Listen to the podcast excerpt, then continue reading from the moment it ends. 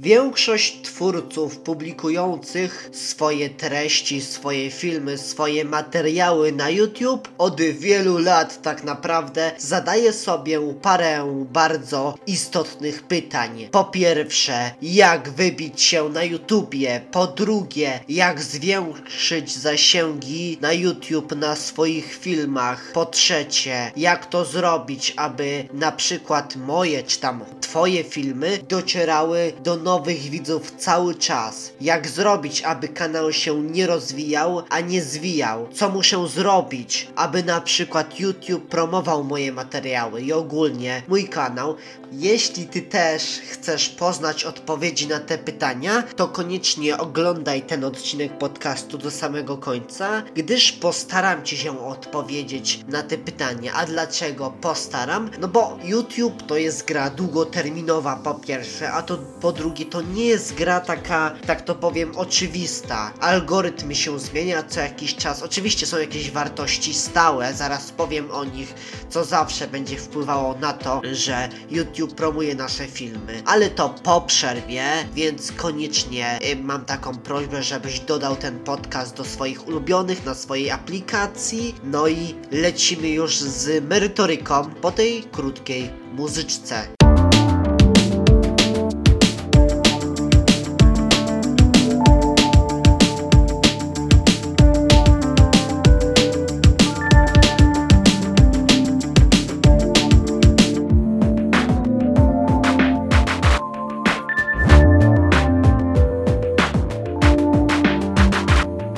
Po pierwsze, jeśli chcesz, aby twój kanał czy twoje filmy były bardziej promowane przez YouTube'a, to musisz regularnie publikować swoje filmy, swoje materiały na kanale, chociaż raz w tygodniu. Wiem, wiem, wszyscy mówią o tej regularności, czy to będzie Instagram, TikTok, czy to będzie Facebook, czy to będzie YouTube, ale to naprawdę jest bardzo, bardzo ważne ważne. I nie jest to tylko takie pitu-pitu, żeby sobie przegadać i odcinek przedłużyć. Po drugie, jeśli chcesz, aby twój kanał był bardziej promowany przez YouTube'a, to musisz, to nie możesz się zamykać na nowe opcje, na nowe funkcje, które oferuje YouTube twórcom. Czyli na przykład na YouTube weszły storiesy lub teraz shortsy. I teraz twoim zadaniem jest na przykład publikować shortsy, oczywiście w swojej tematyce i dodawać je na kanał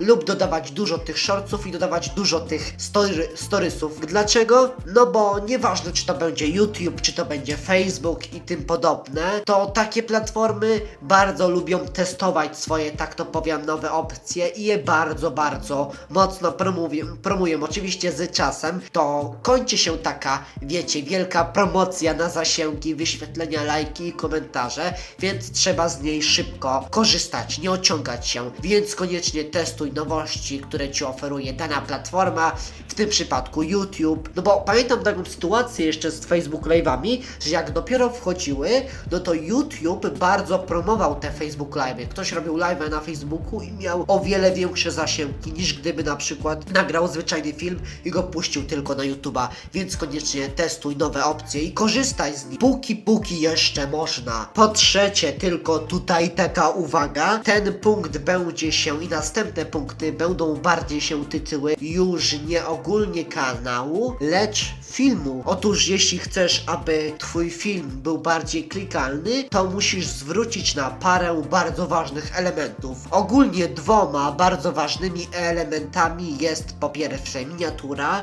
która stanowi o 80% sukcesu danego filmu, no i tytuł, który stanowi za 20% danego sukcesu danego filmu. Jak tworzyć skuteczne miniatury i jak stworzyć skuteczne opisy do filmów na YouTube jak robić te właśnie skuteczne miniatury, to opisałem w pierwszym odcinku mojego podcastu. To serdecznie zapraszam do nadrobienia sobie zaległości, jeśli ktoś nie oglądał właśnie poprzedniego odcinka. Serdecznie zapraszam, link masz w opisie. A jak tworzyć skuteczny, jak stworzyć klikalny tytuł do danego filmu na YouTube? Otóż nie ma na to złotej reguły. Chociaż ja podczas dodawania tytułu do filmu na YouTube YouTube zadaje sobie parę następujących pytań. Ty też możesz sobie zadawać. Otóż pierwsze pytanie, jakie sobie zadaję, jak mogę odpowiednio zatytułować odcinek, aby tytuł, uwaga, był zgodny z treścią materiału. Clickbaity są niedobre. Możecie nawet bana dostać, jak będziecie ich za dużo robić. Aby po drugie był prosty i zrozumiały dla mojej grupy odbiorców, dla grupy odbiorców danego kanału.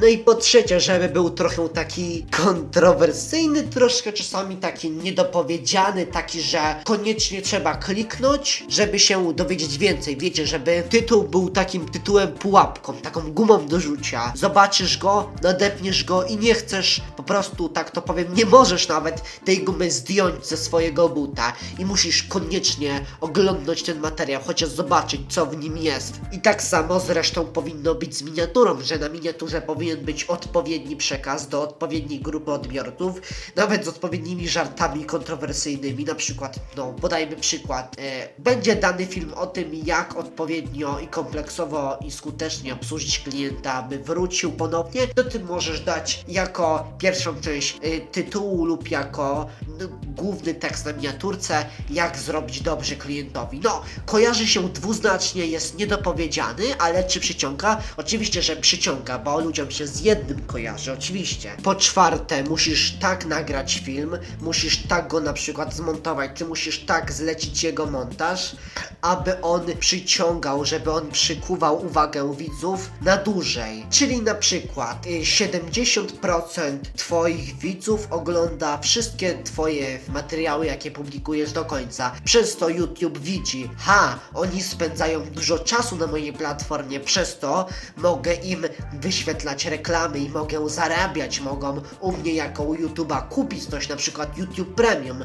Więc dlatego, jeśli im to się podoba, że y, y, jakby oglądają te materiały do końca, ten film, tego gościa, no to zacznę go bardziej promować i tak sobie myśli algorytm YouTube'a. A jak to zrobić, aby przykuć uwagę widzów na danym filmie na YouTube, żeby dłużej oglądali dany film? No jest to nie lada wyzwanie, jednak mam takie parę technik, może nie bo ciężko jest tutaj znaleźć złoty środek. I przedstawiłem to w drugim odcinku mojego podcastu pod tytułem Jak przykuć na dłużej uwagę widzów na filmach na YouTube i znak zapytania. No i tam trzy gwiazdki, ciekawe tipy i techniki, trzy gwiazdki, więc koniecznie nadrób tę zaległość, jeśli nie oglądałeś tego materiału. Po trzecie, dodawaj napisy do swoich filmów, rób transkrypcję swoich materiałów na YouTube. A jak to robić? Bo przecież nie będziemy tego robić ręcznie. No, można to zrobić automatycznie, wpisując programy do generowania napisów automatycznych, czy tam po prostu automatyczne napisy. No i dużo jest takich programów po polsku, tam to nawet to, to nie są programy do pobrania, po prostu wchodzisz na stronę, masz panel,